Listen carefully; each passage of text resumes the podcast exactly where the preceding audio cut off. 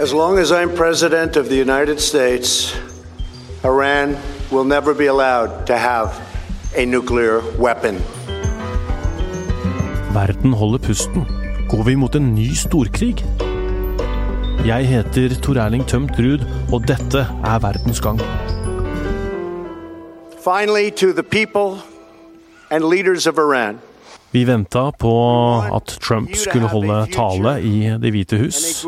Han kom eh, ganske mye for seint, men eh, sa det som hele verden venta på.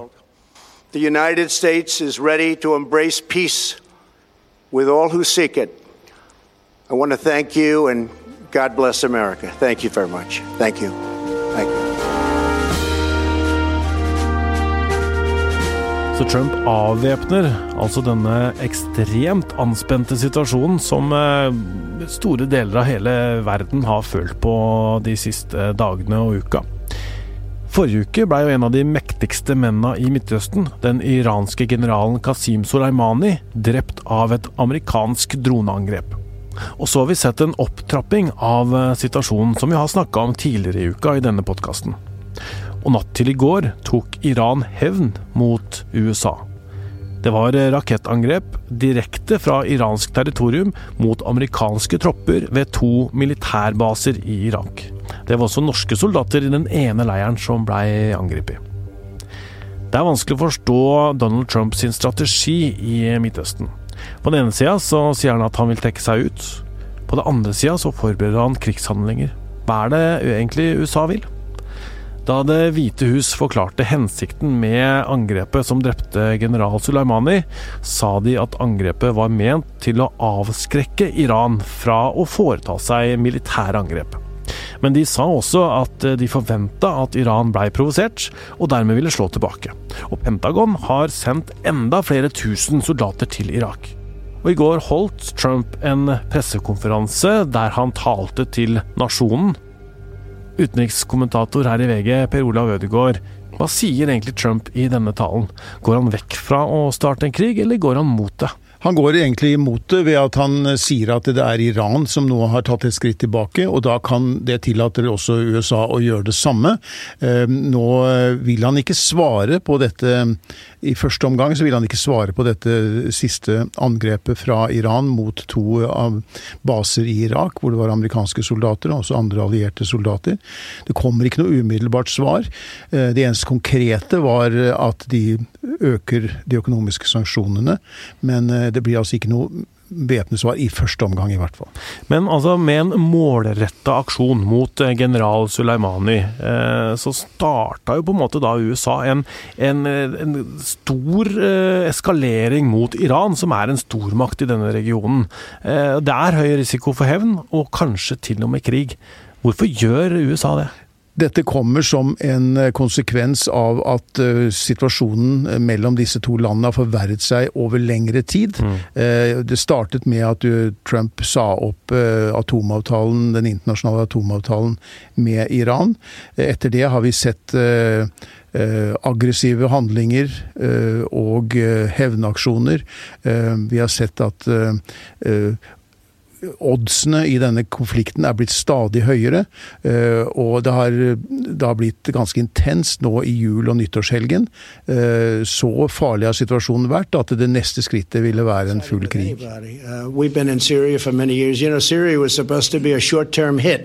Just a very short term hit, and we were supposed to be in and out. We want to bring our troops back home. Men det er jo vanskelig å se liksom mønsteret her. For at, uh, det er jo ikke så veldig lenge siden Trump uh, trakk Eh, sine styrker ut av Syria.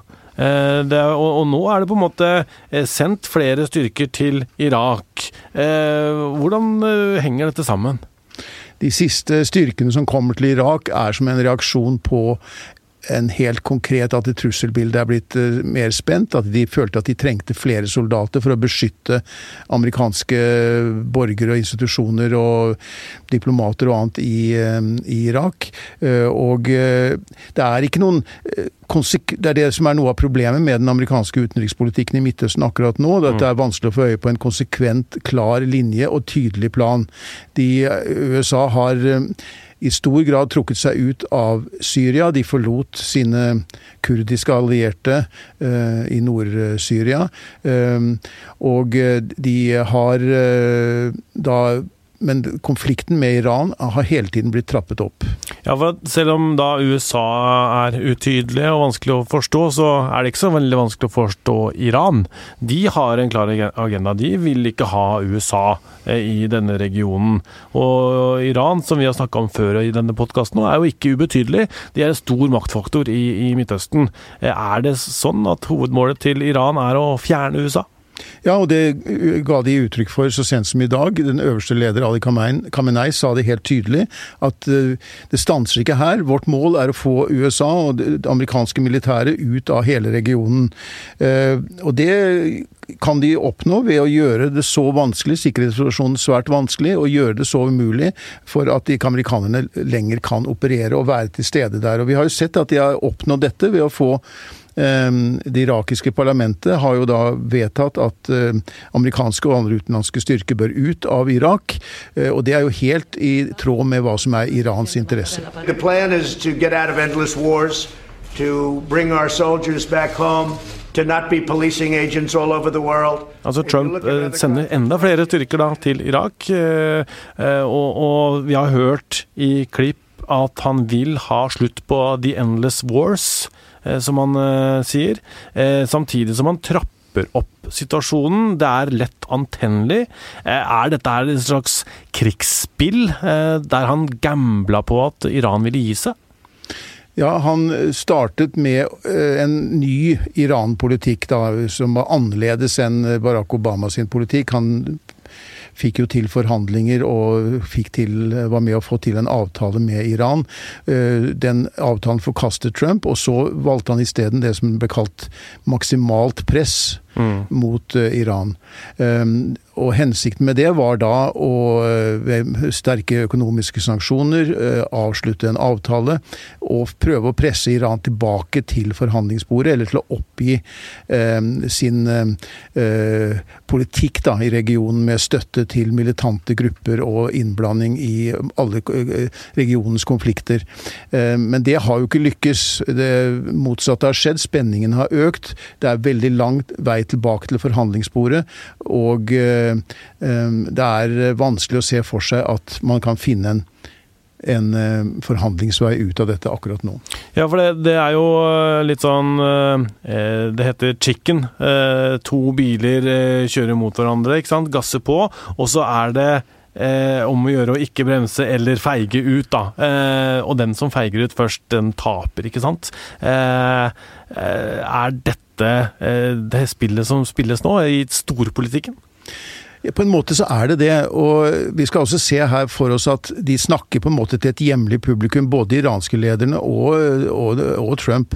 Fordi de begge vil framstå som, som sterke, som med ufravikelig kurs, og, og ikke gjetter. Samtidig så er ingen av de egentlig interessert i at dette skal ende i noe krasj, i en stor konflikt. Det er ikke noen av disse landenes interesser. Selv om USA selvfølgelig er den militært overlegne overlegne, så kan det allikevel bli en svært kostbar uh, affære for uh, USA å gå inn i en sto storkonflikt her. Og det er mye lettere å starte en krig enn å komme ut av den. Uh, og i et amerikansk valgår så tror jeg det ville være meget uheldig, også for amerikanerne. Iran appears to be standing down, which is a good thing for all parties concerned and a very good thing for the world. Er det en god ting for verden? Det er en god ting for verden at uh, man tar noen skritt i retning av uh, avspenning. Uh, men vi skal samtidig være klar over at det skal lite til før det blusser opp på nytt. Det er mange aktører her. Iran har mange som, som de er alliert med i regionen. USA har det samme. USA har 50 000 soldater i regionen. De, er, de står tett på Iran mange steder.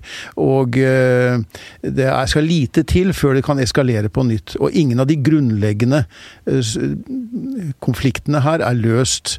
Det er bare en, vi har fått en pause, og forhåpentligvis kan den brukes til å komme inn på et bedre spor.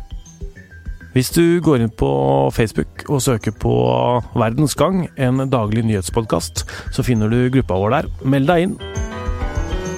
Denne podkasten lages av Kristine Hellesland, Emilie Hall Torp, Nora Torp Bjørnstad og meg, Tor Erling Tømterud. Magne Antonsen er teknisk produsent.